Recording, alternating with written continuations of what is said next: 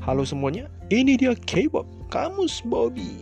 Kali ini Bobby bakal membahas tentang filosofi dari kata penjajah.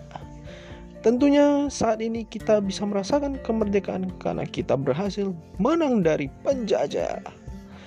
Penjajah ditujukan untuk bangsa atau negara yang menguasai bangsa lainnya. Tentunya di zaman modern saat ini sudah jarang kelihatan bangsa menjadi penjajah.